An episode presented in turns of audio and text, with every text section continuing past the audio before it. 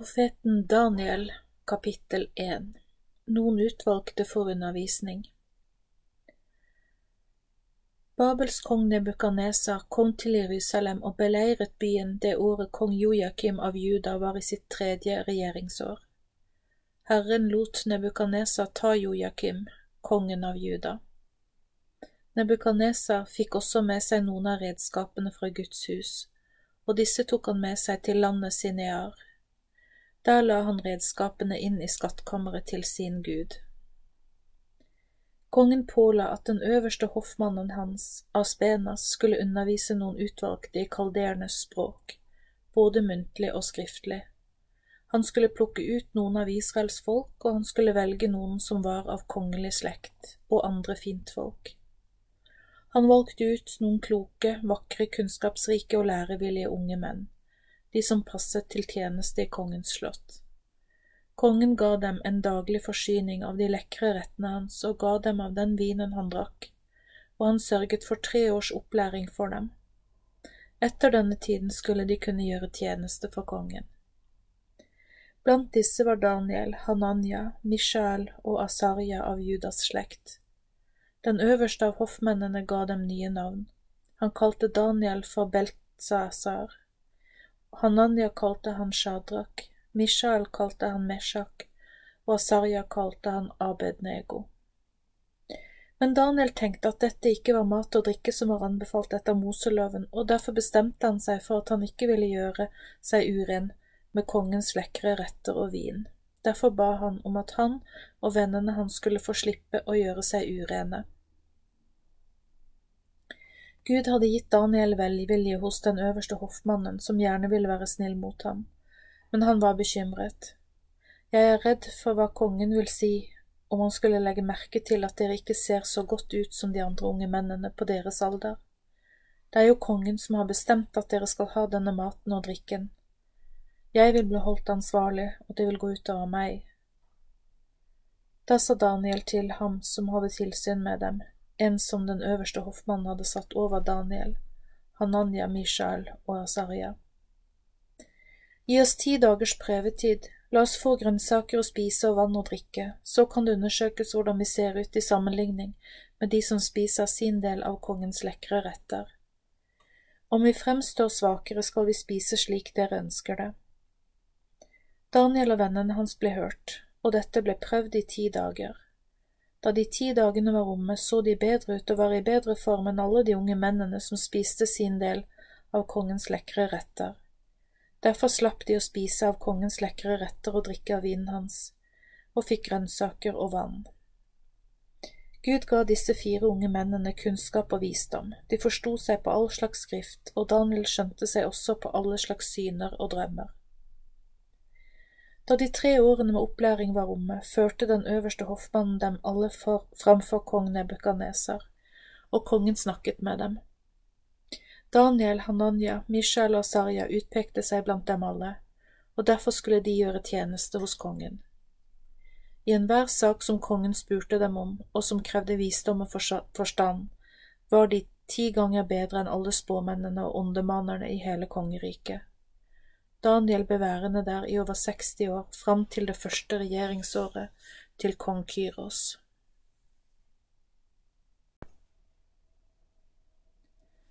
Profeten Daniel 2 Nebukadnesars drøm I det andre året av Nebukadnesars regjeringstid hadde Nebukadnesar drømmer som gjorde ham så urolig at han mistet nattesøvnen.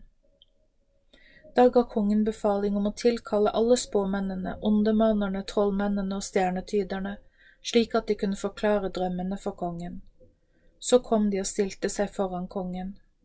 Kongen sa til dem, Jeg har hatt en drøm som gjør meg svært urolig, og jeg vil derfor forstå drømmen. Da sa stjernetyderne, Kongen leve evig, fortell dine tjenere hva du har drømt, så vil vi gi deg tydningen. Kongen svarte, Nei, om dere ikke kan fortelle meg drømmen og tydningen av den, skal dere hugges i småbiter og få rasert deres hjem. Men fortell meg hva jeg har drømt og tydningen av den, skal dere få belønning og ære. De sa for annen gang, kongen må bare fortelle hva han har drømt, så skal vi forklare tydningen av den. Kongen svarte, Dette sier dere bare fordi dere vil vinne tid, siden dere skjønner at jeg mener alvor. Hvis ikke dere forteller meg drømmen, blir det verst for dere. Jeg vet at dere har blitt enige om å dikte opp løgn i håp om at jeg skal forandre mening. Fortell meg derfor drømmen, så jeg kan vite om dere kan forklare meg tydningen av den. Da svarte de kongen, ingen kan gjøre det kongen spør om. Derfor har heller aldri en konge, samme hvor stor eller mektig han har vært, noen gang spurt om noe slikt av noen. For det kongen spør om er umulig, ingen andre enn gudene kan gi kongen det han ber om. Da ble kongen rasende og ga befaling om å drepe alle de vise mennene i Babel, deriblant også Daniel og vennene hans. Gud åpenbarer drømmen. Arjok var kommandant for kongens vaktstyrke som dro ut for å drepe de vise mennene i Babel.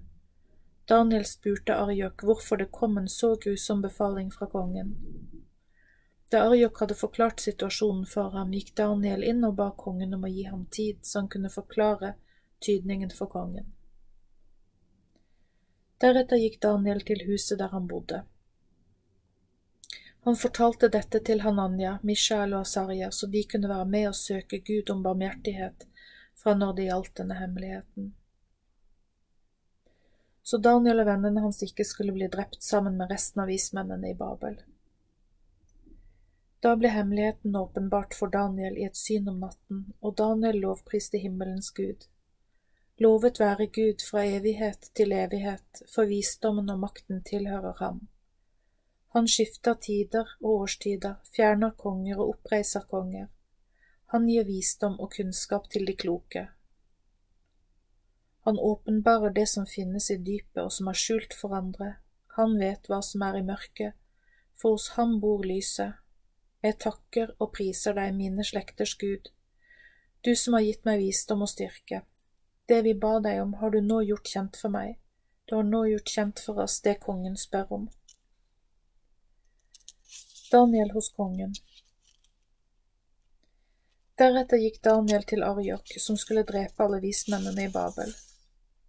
Han sa til ham, Vent, ikke drep alle vismennene i Babel, før meg inn til kongen, så skal jeg forklare drømmen og gi ham tydningen. Da skyndte Arjok seg og tok med Daniel framfor kongen. Arjok tok til orde og sa, Jeg har funnet en som kan fortelle kongen om drømmen og tyde den. Han er en av de bortførte fra Juda og kan gjøre tydningen kjent for kongen. Kongen sa til Daniel, som ble kalt Beltsasar, Er du i stand til å gjøre kjent for meg drømmen jeg har sett, og gi meg tydningen av den? Daniel svarte kongen, Hemmeligheten som kongen har spurt om, kan verken vismenn, åndemanere spåmenn eller tegntydere forklare for kongen.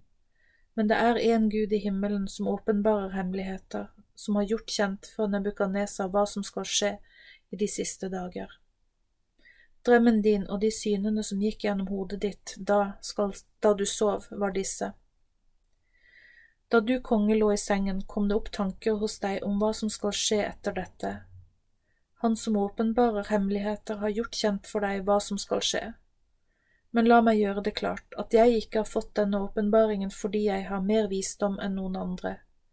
Jeg fikk den fordi tydningen skulle bli kjent for kongen, så du skulle forstå ditt hjertes tanker. Du så en stor overdådig glitrende statue. Den sto foran deg, og den var overveldende og skremmende. Hodet var av rent gull, brystet og armene var av sølv, magen og hoftene var av bronse. Beina var av jern, og føttene var lagd dels av jern og dels av leire. Mens du så på dette, ble en stein slått løs, men ikke av menneskers hender.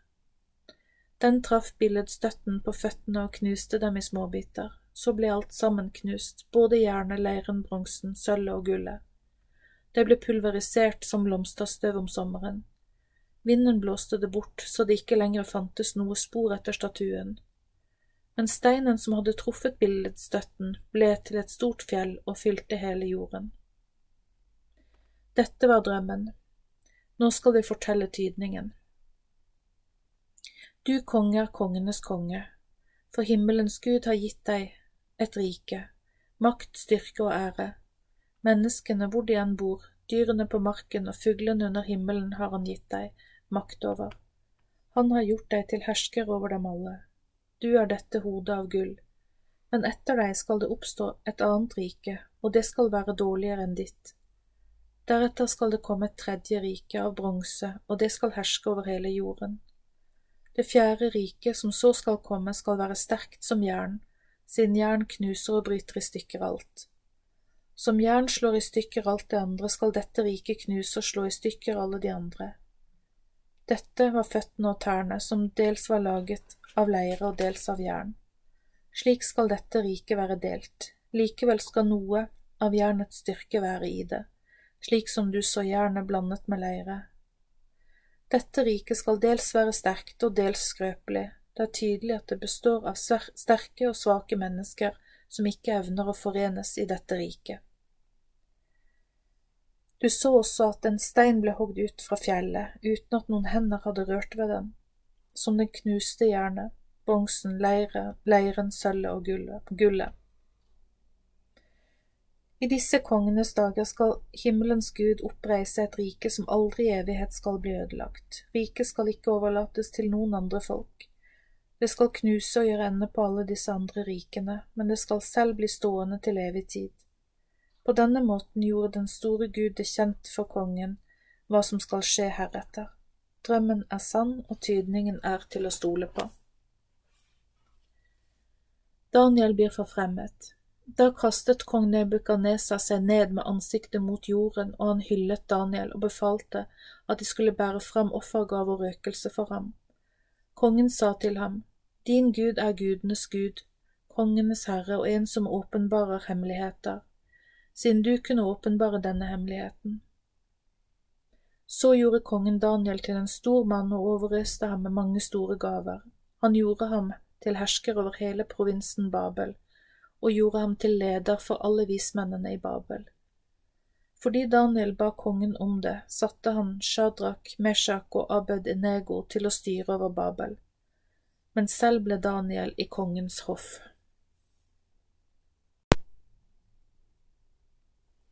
Profeten Daniel 3 Gullstatuen Kong Nebukadnesa lagde en statue av gull. Den var 30 meter høy og tre meter bred. Han satte den opp i Duradalen i provinsen Babel. Kong Nebukadnesar sendte ut en befaling om å samle alle de viktigste personene i landet. Alle landshøvdingene, rådgiverne, skattemesterne, dommerne, politimesterne og alle herskerne i provinsene skulle komme til innvielsen av statuen som kong Nebukadneser hadde satt opp. Alle kom til innvielsen, og de stilte seg opp foran den. Da ble det ropt høyt. Dere folk, folkestammer og enhver med sitt språk befales. Når dere hører lydsignalet av all slags musikkinstrumenter, som horn, fløyte, lyre, harpe, lutt og trommer, skal dere falle ned og tilbe gullstatuen som kong Nebukaneser har satt opp. Den som ikke faller ned og tilber den, skal straks kastes i en brennende ovn. Derfor falt alle folkene ned og tilba gullbilledstøtten som kong Nebukadneser hadde satt opp, da de hørte lyden av horn, fløyte, lyre, harpe og all slags musikk. Kan ikke lyde kongens befaling. Noen menn fra kalderene kom til kongen med klage på jødene og sa, Kongen leve evig, du konge har befalt hvert menneske som hører lyden av horn, fløyte, lyre, harpe, trommer og all slags musikk, falle ned og tilbe statuen din, og den som ikke faller ned og tilber, skal kastes i en ovn med brennende ild. Det er noen jødiske menn som du har satt til å styre over provinsen Babel. Shadrach, Meshach og Abednego, disse mennene, konge, adlyder ikke befalingen.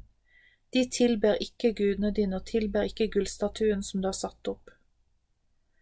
I raseri ga Nebukadnesa befaling om å hente Shadrach, Meshach og Abednego. Så ble disse mennene ført fram for kongen. Nebukadnesa sa til dem, Er det sant, Shadrach, Meshach og Abednego, at dere ikke tilber mine guder og heller ikke gullstatuen som jeg har satt opp? Hvis dere bare faller ned og tilber statuen som jeg har lagd når dere hører lyden av horn, fløyte, lyre, harpe, lutt, trommer og alle slags musikk, sier vi at dette er glemt og at alt er greit, men hvis dere ikke tilber den, da skal dere straks kastes i en ovn med brennende ild.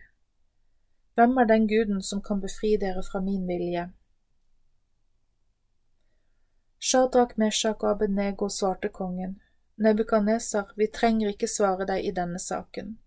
Hvis vår Gud som vi tjener vil befri oss fra den brennende ovnen og fra deg, konge, da vil vi bli reddet. Men hvis ikke, så skal det være kjent for deg, konge, at vi ikke vil tilbe gudene dine, heller ikke gullstatuen som du har satt opp. Reddet ut av flammene.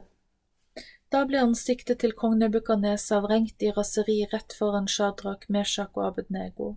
Kongen befalte at de skulle varme opp ovnen sju ganger kraftigere enn den vanligvis ble oppvarmet. Han befalte noen mektige krigere fra hærens om å binde Shadrach, Meshach og Abednego og kaste dem inn i den brennende glovarme ovnen. Mennene ble kastet inn i den brennende ovnen, fullt påkledd. Siden kongen hadde befalt å fyre ovnene så kraftig opp, ble de mennene som førte opp Shadrach, Meshach og Abednego, drept av flammene. De tre mennene, Shadrach, Meshach og Abednego, falt bundet inn i ovnen med brennende ild.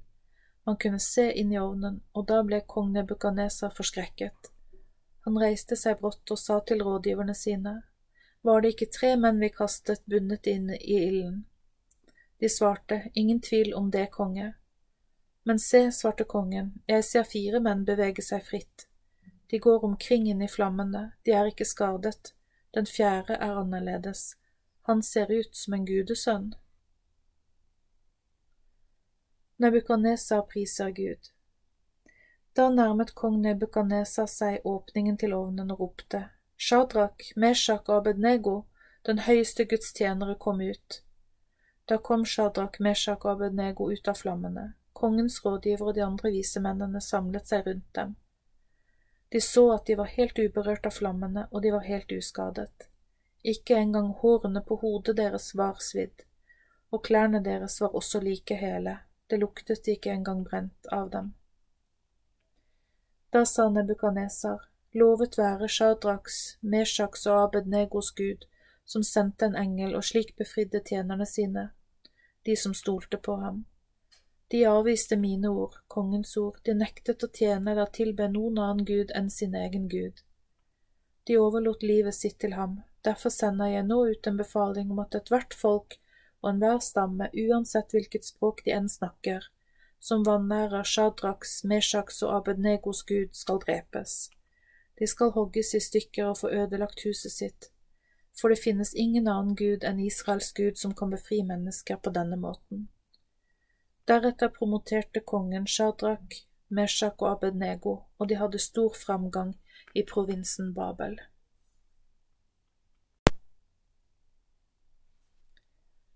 Profeten Daniel 4 Jeg, kong Nebukaneser, sier dette til alle folk og stammer med alle språk som bor over hele jorden. Må deres fred være stor. Jeg har funnet det rett å kunngjøre de tegnene og underne som den høyeste Gud har gjort mot meg, og hvor store tegnene hans er, og hvor mektige hans under han gjør. Riket hans er et evig rike, og herredømmet hans svarer fra slekt til slekt.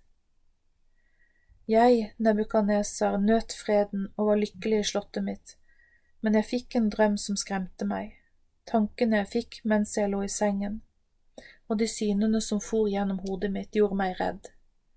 Derfor beordret jeg alle de vise mennene i Babel om å komme til meg, slik at de kunne gjøre kjent for meg tydningen av drømmen. Da kom spåmennene, åndemannerne, stjernetyderne og tegntyderne, men de kunne ikke tyde drømmen. Til slutt kom Daniel, som hadde fått navnet Beltsasar, etter navnet på min Gud. Han kom fram for meg, og i ham var den hellige Guds ånd og jeg fortalte drømmen for ham. Beltsasar, du som er sjef for spåmennene, siden jeg vet at Den hellige Guds ånd er i deg, og at ingen hemmeligheter er for vanskelig for deg, forklar meg de synene som jeg har sett i drømmen min, og vis meg tydningen av dem. Dette var synene som jeg så mens jeg lå i sengen. Jeg så et tre som var midt på jorden, det var veldig høyt. Treet ble stort og kraftig, Det var så høyt at det nådde til himmelen, og det var synlig helt til jordens ender. Løvet på det var vakkert, og det bar rikelig med frukt, så det ga mat til alle. Markens dyr fant skygge under det, himmelens fugler holdt til i grenene, og alle skapninger fikk mat fra det. Mens jeg lå der i sengen min og så disse synene, kom det en hellig vokter som steg ned fra himmelen og ropte høyt. Hogg ned treet og skjær av grenene på det, plukk av løvet og spre frukten av det. Dyrene under det skal flykte og fuglene rømme fra grenene, det skal bare være en stubbe igjen av treet. Det skal være bundet med bånd av jern og bronse i gresset på marken. Treet er som et menneske. For han skal få vann av himmelens dugg, slik dyrene i gresset på jorden også nyter godt av himmelens dugg. Hjertet hans skal forvandles fra et menneskehjerte til et dyrehjerte, og sju år skal komme over ham. Vokteren kom med disse ordene. Denne avgjørelsen ble gjort i Den himmelske råds forsamling for at de som lever skal få vite at det er Gud den høyeste som har makt over menneskenes kongedømmer. Han gir makt til hvem han vil, og den minste blant alle mennesker setter han over dem alle. Dette var drømmen jeg fikk se. Nå må du, Beltsassar, fortelle tydningen av den, siden ingen av de vise mennene i kongeriket er i stand til å tyde den for meg. Men du er i stand til det, for den hellige Guds ånd er i deg. Daniel forklarer drømmen. Daniel, eller Beltsasa som han ble kalt blant babylonerne, ble forskrekket av drømmen. Tankene han fikk om den, gjorde ham redd. Da sa kongen til ham, Beltsasar, ikke la drømmen og tydningen av den gjøre deg redd. Beltsasar svarte, Min herre, måtte bare denne drømmen gjelde dem som hater deg, og tydningen av den gjelde fiendene dine. Treet som du så, ble stort og kraftig, det var så høyt at det nådde til himmelen, og det kunne ses over hele jorden. Løvet på det var vakkert, og det bar masse med frukt, så det ga mat til alle. Markens dyr holdt til under det, fuglene under himmelen bodde i grenene. Det er du selv, konge, som er blitt så stor og mektig, for din storhet har vokst og når til himmelen, og herredømmet ditt når til jordens ende. Kongen så en hellig vokter, han steg ned fra himmelen og sa, hogg ned treet og ødelegg det. Men stubben skal stå igjen i jorden, og den skal være bundet med bånd av jern og bronse til gresset på marken. Han skal få vann av dugg fra himmelen slik dyrene på marken får det, sju år skal han få. Dette er tydningen, konge, den høyeste sier dette til kongen min herre, de skal drive deg bort fra menneskene, du skal bo midt blant dyrene på marken, de skal la deg spise gress som oksene, du skal få vann fra himmelens dugg, sju år skal det gå før du erkjenner at den høyeste er hersker i menneskenes kongedømmer, og at han gir dem til hvem han vil. De befalte at stubben til treet skulle stå igjen, det betyr at riket ditt på ny skal reise seg for deg etter at du erkjenner at det er himmelen som er den øverste hersker. Derfor, konge, ta imot rådet jeg gir deg, riv deg løs fra syndene dine, gjør godt, vis rettferdighet og vær barmhjertig mot fattige. Da skal din fred vare. Nebukadnesars ydmykelse Alt dette kom over kong Nebukadnesar. Et år senere vandret han omkring på det kongelige slottet i Babel. Kongen sa, er ikke dette det store Babel som jeg har bygd til en mektig kongebolig, ved min veldige makt og til ære for meg selv og min egen herlighet? Før han var ferdig med å snakke, hørtes en stemme fra himmelen. Hør, kong Nebukaneser, kongeriket er tatt fra deg, du skal drives bort fra menneskene, og du skal bo midt blant dyrene på marken. De skal la deg spise gress som oksene, sju år skal det gå før du erkjenner at det er den høyeste som hersker i menneskenes kongeriker, og han gir dem til hvem han vil. I, det, I samme stund ble ordet om Nebukadneser oppfylt, han ble jaget bort fra menneskene, og han måtte spise gress som oksene, han overlevde med vann av dugget fra himmelen helt til håret hans hadde vokst ut som ørnefjær og neglene hans som fugleklør. Nebukadnesar priser Gud. Da tiden var omme, løftet jeg, Nebukadnesa, blikket mot himmelen, og da fikk jeg forstanden tilbake. Jeg lovet den høyeste, og priste og æret ham som lever evig. For herredømmet hans er et evig herredømme, og riket hans varer fra slekt til slekt. Sammenlignet med ham regnes alle som bor på jorden for ingenting, for han gjør etter sin vilje både blant himmelens hær og blant dem som bor på jorden. Ingen kan stoppe ham eller si til ham, Hva har du gjort? På samme tid fikk jeg forstanden tilbake, og jeg fikk min storhet og herlighet tilbake, til ære for mitt kongerike. På nytt søkte rådgiverne og stormennene meg, og jeg ble gjeninnsatt i kongeriket mitt. Jeg ble enda større enn før, og jeg, Nebukadnesar, priser og opphøyer og ærer nå himmelens konge. Alt han gjør er sant og rett. De som er stolte og brisker seg mot ham, har han makt til å styrte ned.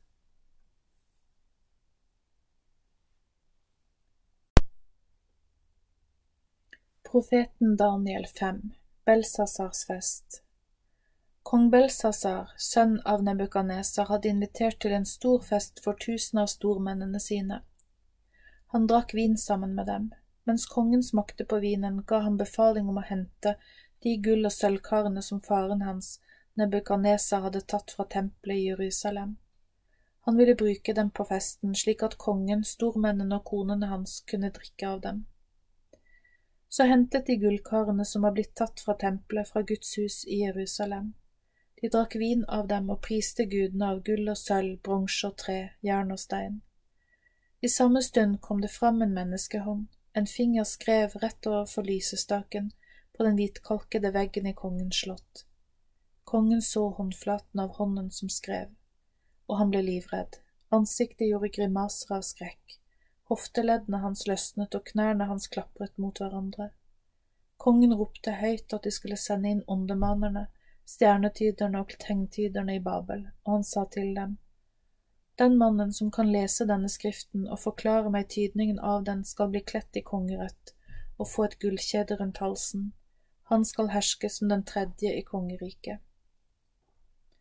Da kom alle kongens vismenn, men de kunne verken lese skriften eller forklare tydningen av den. Da ble kong Belsasar skrekkslagen, han skar grimaser i redsel, og stormennene ble forvirret. Dronningen hadde fått høre at det var noe merkelig på ferde, så hun kom inn i festsalen og sa til kongen, Kongen leve evig, la ikke tankene dine gjøre deg redd, ikke ta slik på vei. Det er en mann i ditt, ditt kongerike som har Den hellige Guds ånd i seg. Han hjalp faren din og åpenbarte hemmeligheter for ham.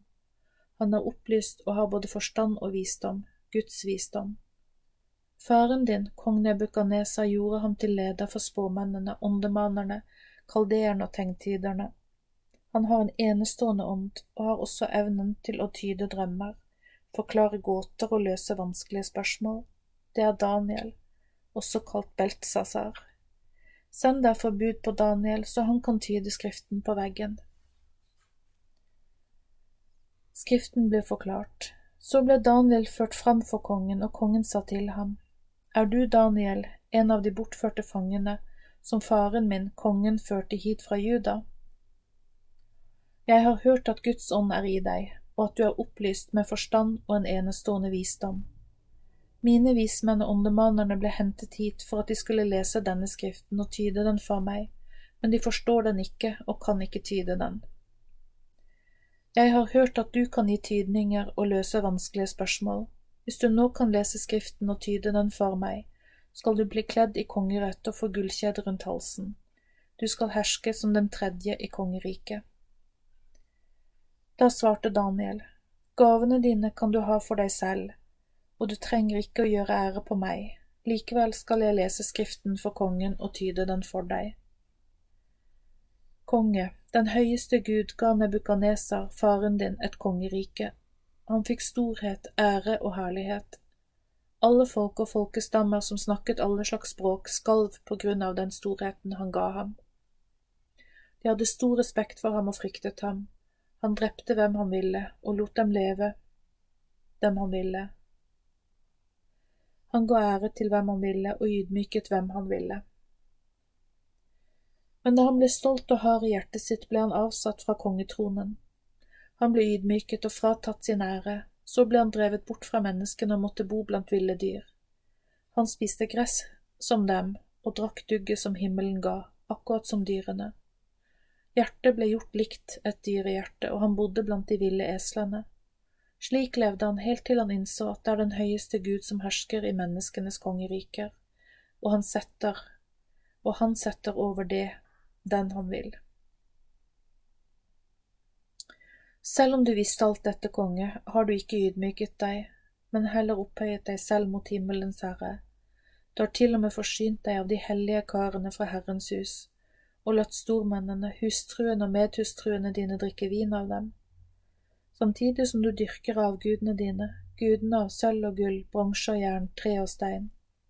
Disse gudene verken ser, hører eller forstår noen ting. Gud som har livet ditt i sin hånd, og som råder over livet ditt, ham har du ikke æret. Derfor ble denne håndflaten rakt ut fra ham, og, det ble, og dette ble skrevet på veggen. Disse tre ordene er skrevet. Mene, tekel og ufarsin. Mene kommer fra ordet å telle. Det betyr at Gud har talt ferdig de dagene du skal regjere, og han har avsluttet det. Tekel kommer fra ordet å veie. Det betyr at Herren har veid deg for å se om du holder mål. Det gjør du ikke, du er for lett. Ufasin kommer fra ordet å dele. Kongeriket ditt er delt og blir gitt til med, med, mederne og perserne. Da befalte Belsasar at de skulle kle Daniel i kongerett og henge et gullkjede rundt halsen hans. Så ble en kunngjøring ropt ut. Daniel skulle herske som den tredje kongeriket. Samme natt ble Belsasar, kaldeernes konge, drept.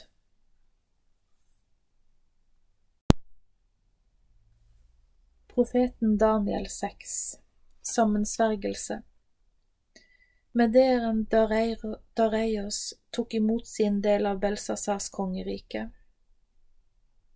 Han var da 62 år gammel. Da Dareios satte 120 guvernører rundt om i provinsene i hele kongeriket. Over disse satte han tre ledere, den ene av dem var Daniel. Guvernørene skulle avlegge regnskap for dem, så kongen ikke skulle lide noen tap. Daniel utmerket seg blant lederne fordi det var en enestående ånd i ham, og kongen planla å sette ham over hele kongeriket.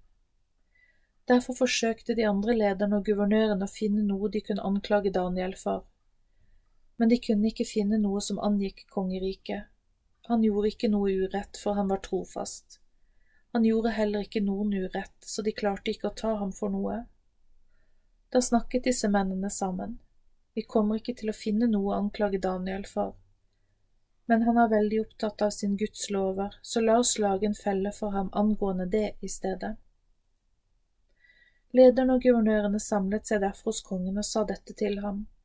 Kong Dareios, måtte du leve evig. Alle vi har snakket sammen, og vi synes kongen skulle sende ut en befaling. La folket be til deg og til ingen annen. Vi råder deg, lag et påbud om at hver den som de neste 30 dagene ber en bønn til noen annen gud enn deg, konge, skal kastes i løvehulen. Lag et slikt påbud og skriv unna på det, da sier medernes og persernes lov at et slikt påbud ikke kan gjøres ugyldig igjen. Kong Dareios undertegnet dette påbudet. Daniel i løvehulen Da Daniel fikk vite at kongen hadde skrevet under på dette påbudet, gikk han til huset sitt. Han gikk opp i andre etasje og åpnet vinduene mot Jerusalem. Der gjorde han slik han pleide, han bøyde seg ned på knærne tre ganger daglig og ba til og lovpriste Gud. Daniel fikk besøk av dem som ville legge en felle for ham, og de fant Daniel mens han ba om nåde framfor sin Gud. Så gikk de til kongen. Har du ikke undertegnet et påbud om at hvert menneske som de nærmeste 30 dagene ber en bønn til noen annen gud foruten deg, konge, skal kastes i løvehulen? Kongen svarte og sa, Jo, det har jeg, og det står fast. Da sa de, Daniel, som er en av de bortførte fra Juda, tar ikke hensyn til deg, konge, eller til påbudet som du har undertegnet, og fortsetter å be tre ganger om dagen. Da kongen hørte dette, ble han inderlig lei seg og tenkte på Daniel i sitt hjerte. Han ønsket å frigjøre ham fra befalingen og prøvde å finne en utvei helt til solen gikk ned. Da henvendte disse mennene seg igjen til kongen og sa, Du vet, konge, at etter medernes og persernes lov kan ikke noe påbud eller befaling fra kongen forandres. Dermed måtte kongen befale dem om å kaste Daniel i løvehulen. Men før de førte Daniel til løvenes hule, sa kongen til Daniel, Må din Gud redde deg, han som du stadig tjener. Så ble Daniel ført til løvenes hule, og det ble hentet en stein og lagt over åpningen. Steinen kunne ikke flyttes på, for både kongen og stormennene satte sitt kongelige seil på leiren mellom, leiren mellom steinen og fjellet. Dermed kunne ikke det som var bestemt for Daniel, forandres. Daniel blir reddet. Kongen gikk deretter til slottet sitt, han klarte ikke å spise, han ville være alene og han fikk ikke sove. Tidlig om morgenen, med en gang solen sto opp, løp kongen til løvehulen. Da han nærmet seg, ropte han inderlig etter Daniel. Daniel, du den levende Guds tjener, har din Gud, han som du stadig tjener, kunnet frelse deg fra løvene? Da svarte Daniel, Kongen leve evig. Min Gud sendte en engel til meg, den lukket løvenes skap så de ikke skadet meg. Han vet at jeg ikke har gjort noe galt mot ham, for jeg er uskyldig. Heller ikke mot deg har jeg gjort noe galt, konge. Da ble kongen kjempeglad han befalte at de skulle ta Daniel opp fra hulen. Så ble Daniel tatt opp fra hulen, og han var helt uskadd fordi han hadde trodd på sin Gud. Dareios lovpriser Gud. Kongen befalte at de skulle komme frem med de mennene som hadde anklaget Daniel. De ble kastet i løvehulen sammen med konene og barna sine, og de hadde ikke engang nådd bunnen av hulen før løvene hadde drept dem. Da skrev kong Dareios en ny kunngjøring til alle folk og folkestammer med alle språk som bor over hele jorden. Må deres fred være stor. Jeg befaler herved at alle som har myndighet i mitt kongerike skal skjelve og frykte for Daniels Gud. For han er den levende Gud, og han står fast til evig tid. Han har et rike som ikke kan ødelegges. Herredømmet hans varer helt til evig tid. Han frelser og befrir, han gjør tegn og under i himmelen og på jorden. Han som har reddet Daniel fra løvene, Deretter hadde Daniel framgang i Dareias regjeringstid og i perseren Kyros regjeringstid.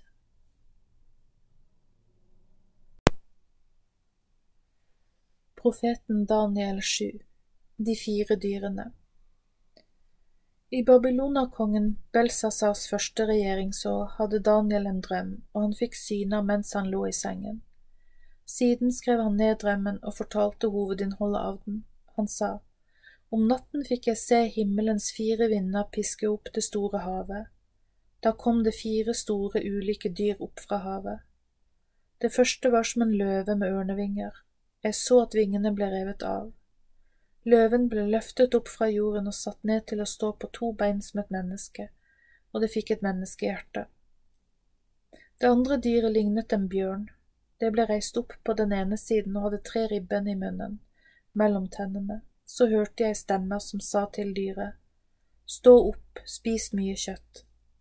Etter dette fikk jeg se et tredje dyr. Det var som en leopard med fire fuglevinger på ryggen, og det hadde fire hoder. Dette dyret ble gitt makt. Etter dette så jeg et fjerde dyr, det var fryktinngytende og forferdelig, det var et voldsomt sterkt dyr. Det hadde store jerntenner og spiste og knuste, og det var og det som var igjen, trampet det ned med føttene. Det lignet ikke på noen av de andre dyrene og hadde ti horn. Jeg så nøye på hornene, og plutselig fikk jeg øye på enda et horn, et lite et, som kom opp mellom de andre. Tre av de første hornene ble rykket opp for å slippe fram det lille hornet. Dette hornet hadde menneskeøyne og en munn som talte store ord. Den eldgamle Gud, jeg så på dette helt til det kom fram en trone.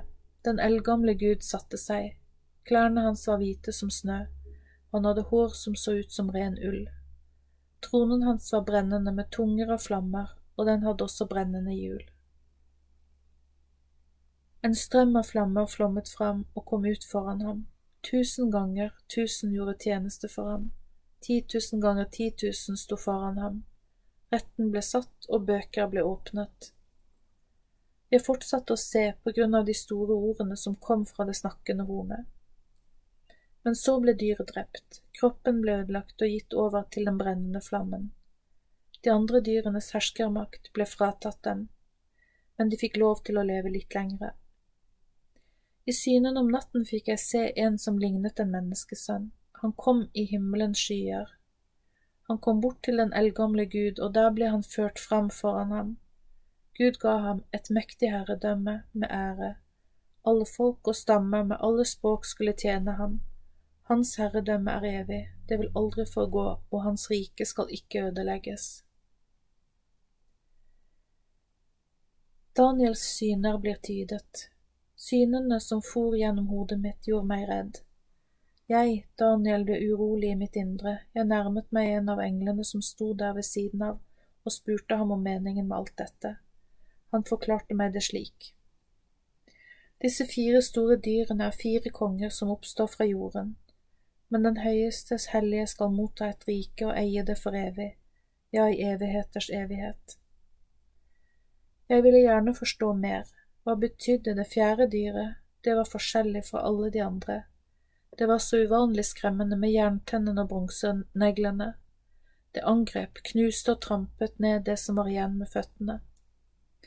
Jeg lurte også på hva de ti hornene det hadde på hodet var for noe, og hva med det lille hornet som vokste fram og gjorde at tre andre horn falt av for å slippe det fram. Det var det hornet som hadde øyne og en munn som uttalte store ord. Da så du større ut enn de andre. I synet mitt ble det nye hendelser.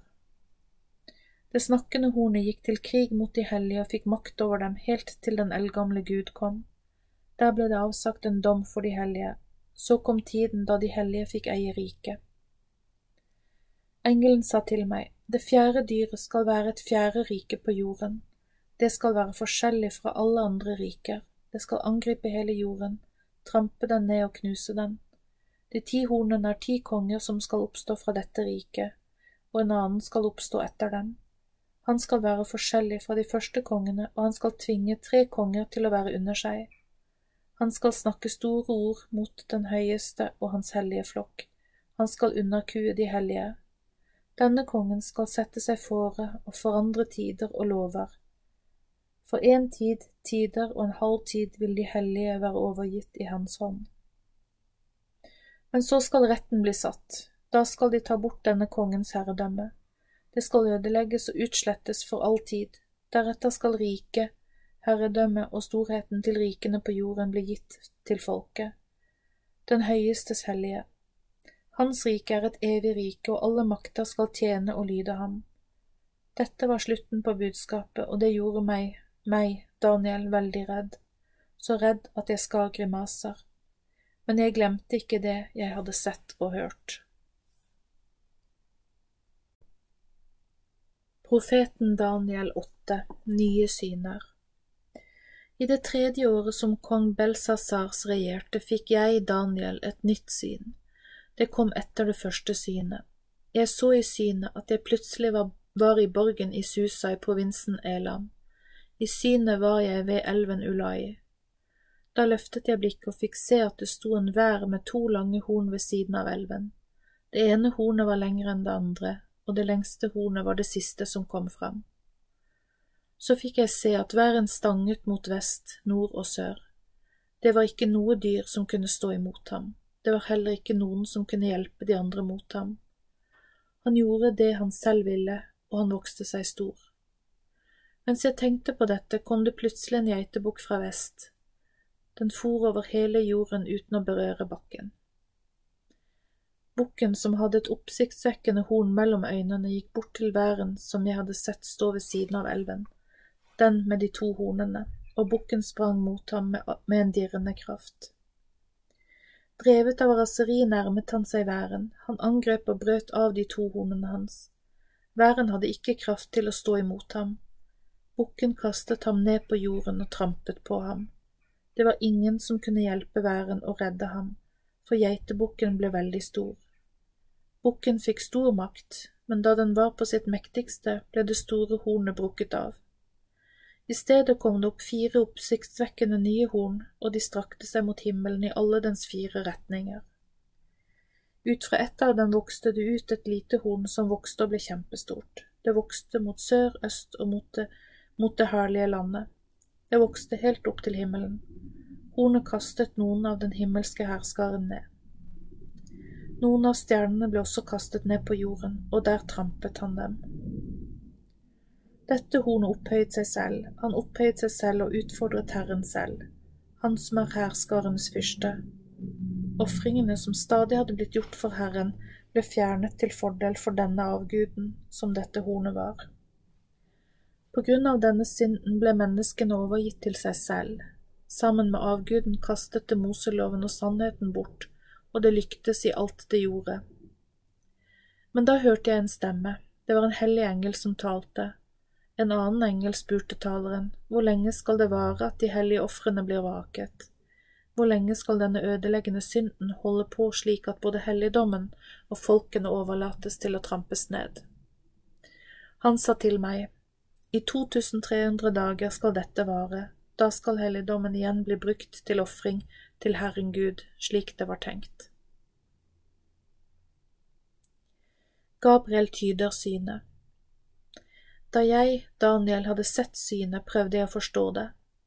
Da sto det plutselig en som så ut som en mann foran meg, jeg hørte en menneskestemme som kom fra Ulai. Stemmen sa, Gabriel, la ham forstå synet. Engelen Gabriel kom like bort der jeg sto, det skremte meg, og jeg falt ned med ansiktet mot jorden, men han sa til meg, Du må forstå, Daniel, at dette synet viser til hvordan det skal bli på jorden ved endenes tid. Mens han fortalte meg dette, lå jeg som i en dyp søvn med ansiktet mot jorden, men han rørte ved meg, reiste meg opp på beina og sa, Jeg skal gjøre kjent for deg hva som skal skje når Herren griper inn mot deg som har satt seg opp mot ham. Dette vil skje i den fastsatte siste tid.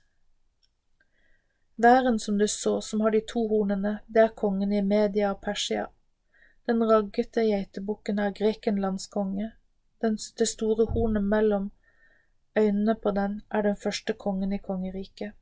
Når hornet ble bruket av og fire andre horn sto opp i stedet for det, betyr det at fire riker skal oppstå ut fra dette folkeslaget, men ikke ha den samme makten. I de siste tider vil folkets synder ha blitt så mange at begeret er fullt, og da skal det stå fram en konge med et hardt ansikt. Han skal være en dyktig bedrager, han skal karre til seg stor makt med overnaturlige negative krefter.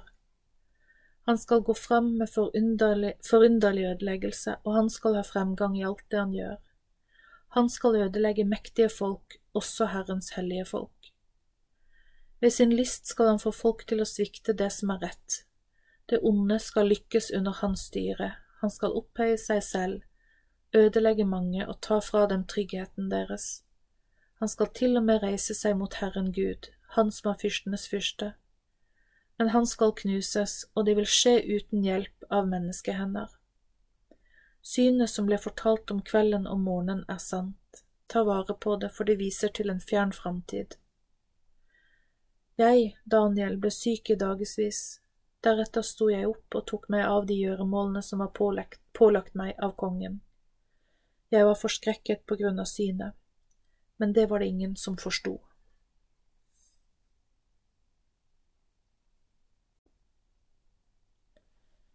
Profeten Daniel 9 Daniels bønn for folket Kong Dareios av medernes slekt var gjort til konge over kaldernes kongerike. I Dareios Ahaversus sønns første regjeringsår forsto jeg, Daniel, ved hjelp av bøkene, tallene som Herren hadde gitt profeten Jeremia. Jeg forsto at Herren ville la Jerusalem ligge i ruiner i hele 70 år. Da søkte jeg, Daniel, Herren Gud med faste og bønnerop med bønn om nåde. Jeg kledde meg i sørgeklær, ba til Herren min Gud og bekjente og sa, Å Herre, du er en stor og skremmende Gud, du holder den bindende avtalen som er gjort mellom deg og oss. Du er god mot dem som elsker deg, og som holder budene og reglene dine.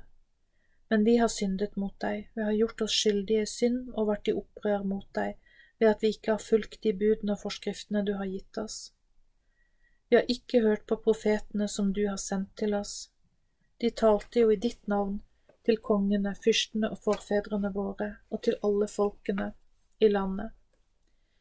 Du er en Gud som er full av rettferdighet, men vi fortjener bare å skamme oss. Slik har vi det i dag. Det gjelder Judas menn, de som bor i Jerusalem og hele Israels folk.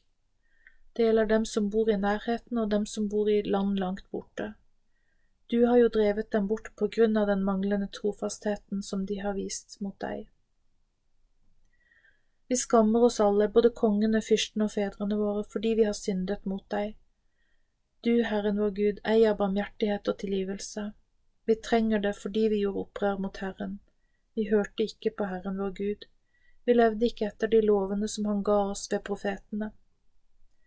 Hele Israels folk har brutt din lov, de har gått bort fra deg og vil ikke villet høre på deg. Derfor er forbannelsen som det er skrevet om i Moseloven blitt utøst over oss fordi vi har syndet mot ham. Dette er bare en oppfyllelse av de ordene som han tidligere har fortalt oss og dommerne våre.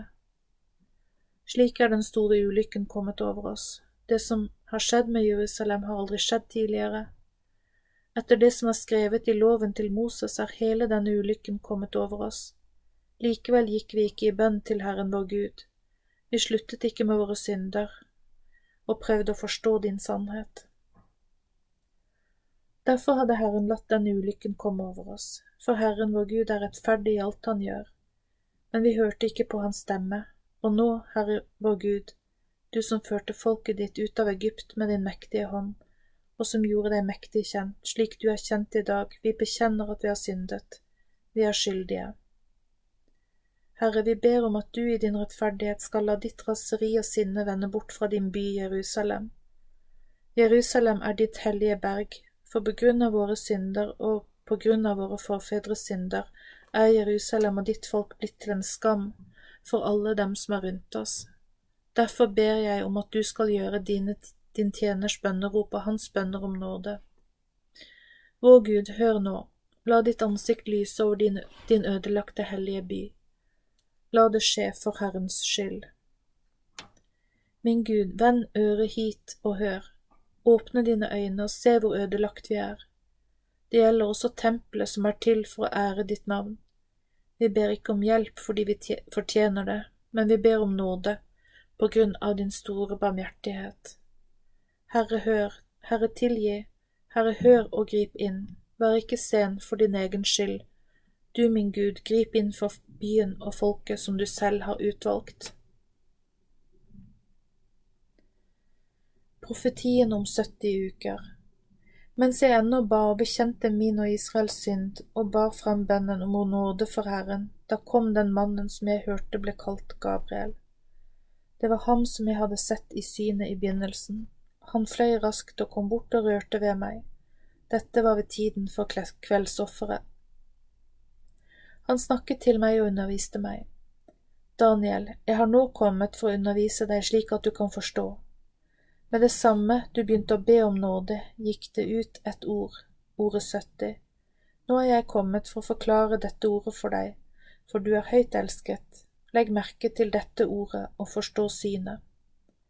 70 uker er fastsatt for folket ditt og for din hellige by, til å innlukke overtredelsen, sette segl for syndene, til å gjøre soning for misgjerning, til å føre fram evig rettferdighet, til å besegle syn og profet og til å salve det aller helligste. Derfor skal du vite og forstå at fra ordet om å gjenreise og bygge opp igjen Jerusalem går ut inntil Messias, fyrsten kommer, skal det være sju uker og 62 uker. Gatene og vollgravene skal bli bygd igjen, men det skal være tider med nød. Etter de 62 ukene skal Messias bli utryddet. Ingenting skal han ha, Folket til en fyrste skal komme, og han skal ødelegge byen og helligdommen. Til slutt skal det komme en flom, inntil enden skal det være krig og ødeleggelser. Dette er fast bestemt. Han skal stadfeste en bindende avtale med mange i en uke. Midt i uken gjør han slutt på slakteofre og ofre fra avlingene. På styggedommenes vinge skal det komme en som ødelegger. Slik skal det være inntil tiden for ødeleggeren er over. Da skal han møtes av en straffedom. Det skjer til en fastsatt tid. Profeten Daniel 10 Daniels syn av mannen I det tredje regjeringsåret til Kyros, Persias konge, ble et ord åpenbart for Daniel, som også ble kalt Beltsasar. Ordet han fikk var sant, og det handlet om en stor krig. Han forsto ordet og synet han hadde fått. Daniel forteller. På den tiden hadde jeg, Daniel, sørget i tre hele uker. Jeg spiste hverken brød, kjøtt eller drakk vin. Jeg salvet meg heller ikke før de tre hele ukene var omme. På den 24. dagen i den første måneden, mens jeg var ved bredden av den store elven Hiddekel, løftet jeg blikket. Der fikk jeg se en mann som var kledd i linklær med et gullbelte fra Ufas spent rundt livet. Kroppen hans var som en lysende gulgrønn krysolitt. Ansiktet hans lyste som lynet, øynene hans var som flammende fakler, armene og beina så ut som blankpusset bronse, og lyden av ordene hans var som lyden av en folkeskare. Bare jeg, Daniel, så synet. De mennene som var sammen med meg, så det ikke, men de fikk en redsel over seg, så de flyktet av sted for å gjemme seg. Derfor ble jeg alene igjen. Da jeg så dette store synet, ble jeg blek. Det var som om alle kreftene mine forsvant, men jeg hørte lyden av ordene hans, og de hørte lyden, lå jeg med ansiktet mot jorden i dyp søvn. Profetier om Persia og Grekenland en hånd rørte ved meg, den fikk meg til å reise meg skjelvende opp, og jeg ble stående på knærne og lene meg på håndflatene. Mannen sa til meg, Daniel, du høyt elskede, prøv å forstå de ordene som jeg taler til deg, stå opp, for jeg er sendt til deg. Mens han talte dette ordet til meg, reiste jeg meg skjelvende opp. Så sa han til meg, Frykt ikke, Daniel, for fra den første dagen du overga deg selv og ydmyket deg for din Gud, er ordene dine blitt hørt, og på grunn av ordene dine har jeg kommet. Men fyrsten over Persias kongerike sto imot meg i 21 dager. Men Mikael, en av de fremste fyrstene, kom for å hjelpe meg, for jeg var blitt igjen der alene med Persias konger. Jeg har kommet for å la deg forstå hva som skal hende folket ditt i de siste dager, for synet peker mot dager som ennå skal komme. Da han hadde sagt disse ordene til meg, snudde jeg ansiktet mot jorden, for jeg ble målløs. Noe som lignet en menneske, han rørte ved leppene mine. Da åpnet jeg munnen, og jeg sa til ham som sto foran meg, Min Herre, på grunn av dette synet har jeg blitt overveldet av smerter, og jeg kjenner meg helt kraftløs. For hvordan kan en slik som jeg, min herre, Herres tjener, få snakke med en slik som deg, min Herre? Jeg er jo kraftløs og har nesten mistet pusten. Han som lignet et menneske, rørte igjen ved meg, og da kjente jeg at jeg fikk ny styrke. Han sa, Vær ikke redd, du mann som er så høyt elsket, fred være med deg, vær sterk, ja, bare vær sterk. Mens han snakket til meg, fikk jeg ny styrke, jeg sa, Nå kan du snakke til meg, for du har gjort at jeg kjenner meg bedre. Da sa han, Vet du hvorfor jeg har kommet til deg? Nå må jeg dra tilbake for å kjempe mot Persias fyrste.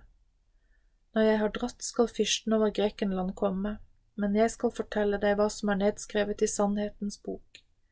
Det er ikke en som stiller seg opp for å hjelpe meg mot disse, foruten Mikael, fyrsten deres.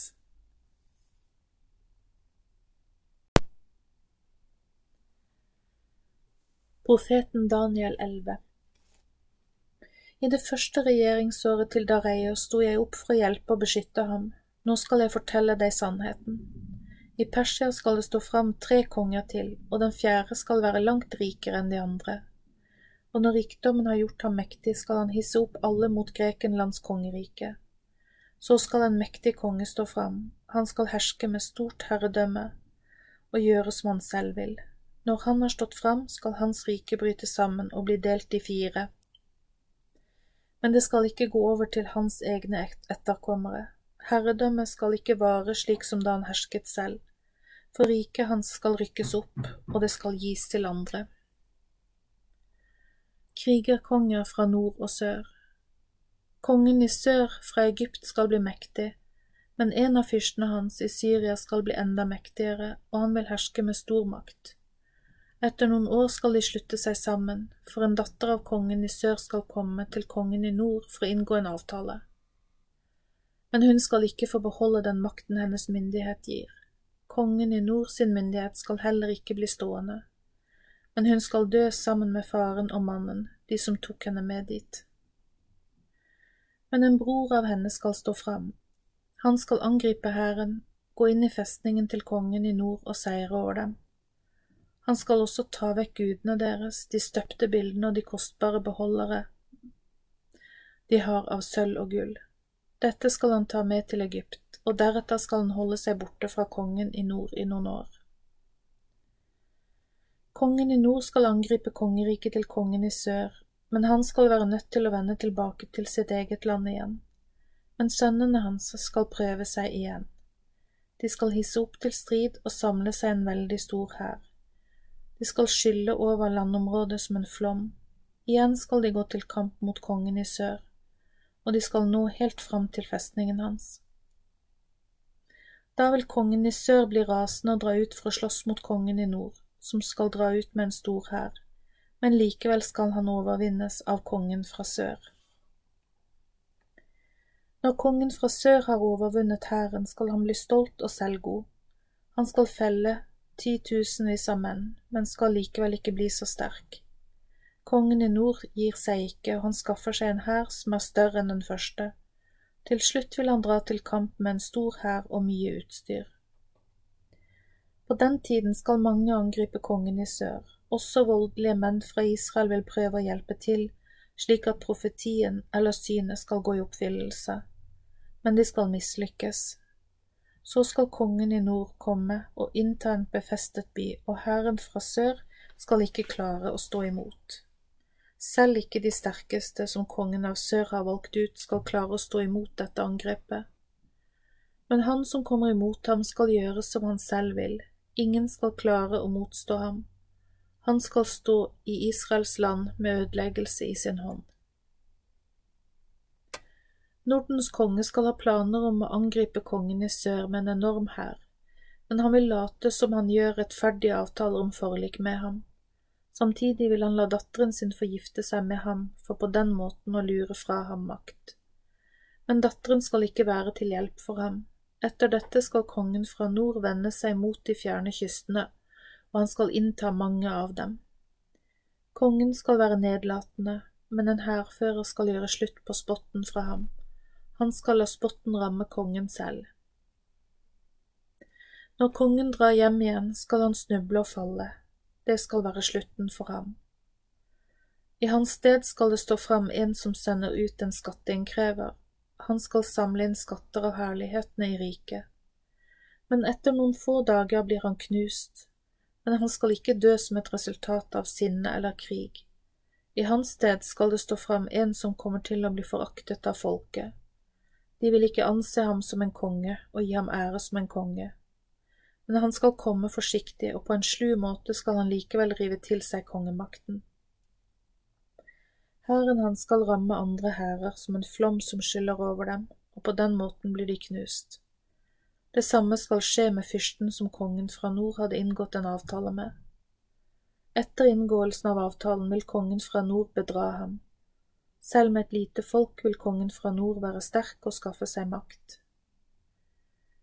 Kongen fra nord skal komme forsiktig inn, til og med inn i de rikeste provinsene. Ulikt forfedrene vil han bestikke folk samtidig som han legger onde planer mot festningene deres. Slik skal det være for en tid, så samler han alt sitt mot og all sin kraft mot kongen i sør og kommer med en stor hær. Kongen i sør skal også gå til kamp med en veldig stor og mektig hær. Men han vil ikke klare å stå imot presset, for han skal sviktes av sine egne. Ja, de som spiser av hans mat skal knuse ham, hæren hans skal bli feid bort, og mange døde skal bli liggende igjen. Begge disse kongene har onde hensikter, de sitter og lyver ved det samme bordet, men det skal ikke lykkes. Han skal vende tilbake til landet sitt med stor rikdom, men i hjertet legger han onde planer mot Israels folk. Etter å ha utført disse drar han hjem til sitt eget land. Kongen i nord spotter. På den fastsatte tiden skal kongen fra nord igjen angripe landet i sør, men utfallet skal ikke være som den første gangen for skip fra land i vest skal komme imot ham. Derfor skal han miste motet og dra tilbake. I raseri vil han gå løs på Israels folk. Han skal se etter israelitter som er villige til å snu ryggen til sitt eget folk. Han samler en hær som skal utføre skammelige handlinger inn i Guds, inne i Guds helligdom. De daglige ofringene som israelittene gjorde for sin Gud, skulle bli forbudt. Avguder, ødeleggelsens styggedom, skulle settes opp i Guds helligdom. Kongen vil lokke folk med smigrende ord til å bryte den hellige Moseloven. Men det folket som kjenner sin Gud, skal stå imot. De skal være sterke og gjøre det som er rett, og holde ut. De som har visdom, skal undervise folket om hva som er rett å gjøre, men mange skal bli drept, komme i fangenskap og plyndres. Mens de sliter, skal de få litt hjelp. Mange slår seg sammen med dem, men med baktanker. Noen av de kloke kommer til å bli undertrykt, og det skjer fordi de skal renses og gjøres hvite til de siste tiders utfordringer. For det drøyer ennå før den siste tiden er her. Kongen skal gjøre som han selv vil, han skal opphøye seg selv og gjøre seg selv større enn enhver gud. Han skal snakke stygt om gudenes gud og ha framgang inntil Herrens straff er fullført for det som er fast bestemt kommer til å skje. Kongen bryr seg ikke om den Gud som fedrene hans tjente. Han bryr seg heller ikke om de andre avgudene, for han skal gjøre seg selv større enn dem alle. Han vil ære en festningenes gud. Dette var en ny gud som fedrene hans ikke kjente. Han tilba den ved å gi den gull og sølv, edelsteiner og fine ting. Slik skal han angripe de sterkeste festninger med denne fremmede guden, og kongen gir ære til dem som tilber den. Han skal la dem herske over mange, og som lønn skal han dele ut landområder til dem. Nordens konge dør. Kongen i sør går til krig mot kongen i nord. Dette skal være slutten for ham. Kongen i nord skal lytte motstand. Han skal storme imot med hester og vogner, og han skal også angripe med mange skip. Han skal skylle over landene som en flom og dra gjennom dem, og han skal også komme inn i Israel. Mange skal bli drept, men disse skal slippe unna ham. Edom, Moab og de fremste av Ammons barn. Kongen fra nord skal også angripe Egypt, han skal få tak i de skjulte skattene av gull og sølv over alle herlighetene i Egypt. Libyerne og kusjittene skal følge i hans fotspor. Men så skal kongen i nord få meldinger fra øst og fra nord som skal gjøre ham redd. Derfor skal han rasende dra ut for å utrydde og ødelegge, ødelegge mange. Han slår opp sine kongelige telt mellom havet og det herlig hellige berget. Der går det mot slutten for ham, og det er ingen som hjelper ham.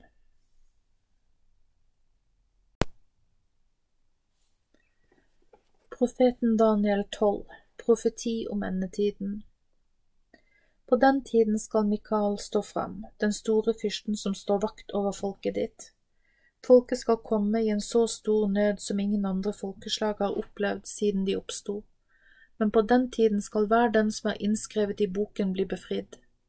Mange som er døde, skal våkne opp igjen. Noen skal da få evig liv, andre skal få skam og evig avsky. De kloke skal skinne med himmelsk glans de som har ledet mange til et liv med Gud, skal for evig og alltid være lik stjernene. Men du, Daniel, skal gjemme disse ordene, forsegl boken du skriver dette i. Den skal være lukket inntil endetiden, mange skal reise omkring, og kunnskapen skal øke. Da så jeg, Daniel, at det sto to andre på hver side av elvebredden. En sa til den mannen som var kledd i linklær, og som var over vannet i elven. Hvor lenge er det til det er slutt på disse underne? Da så jeg at han løftet høyre og venstre hånd opp mot himmelen og sverget ved ham som lever evig. Det skal gå en og en halv tid før denne tiden er over. Når makten til det hellige folket er blitt fullstendig knust, skal alt bli fullført. Jeg, Daniel, hørte, men jeg forsto ikke. Så sa jeg, Min Herre, hva blir avslutningen på dette? Han svarte, Gå nå, Daniel, for ordene skal være skjult. Dette skal være ukjent helt inntil endetiden. Mange skal bli renset, gjort hvite og bli foredlet gjennom vanskeligheter. Men de som ikke bryr seg om Gud, skal fortsette med slike handlinger som er langt borte fra det livet Gud vil de skal leve. De som ikke kjenner Gud, vil ikke forstå dette, men de kloke skal forstå. Fra den tiden da de daglige ofringene til Herren ble avskaffet og avguder settes opp i Guds sted, skal det være 1290 dager. Det skal gå godt for dem som venter og når fram til de 1335 dagene. Men du, går nå mot enden, for du skal dø og våkne opp igjen, og da skal du ved dagenes ende få din arv.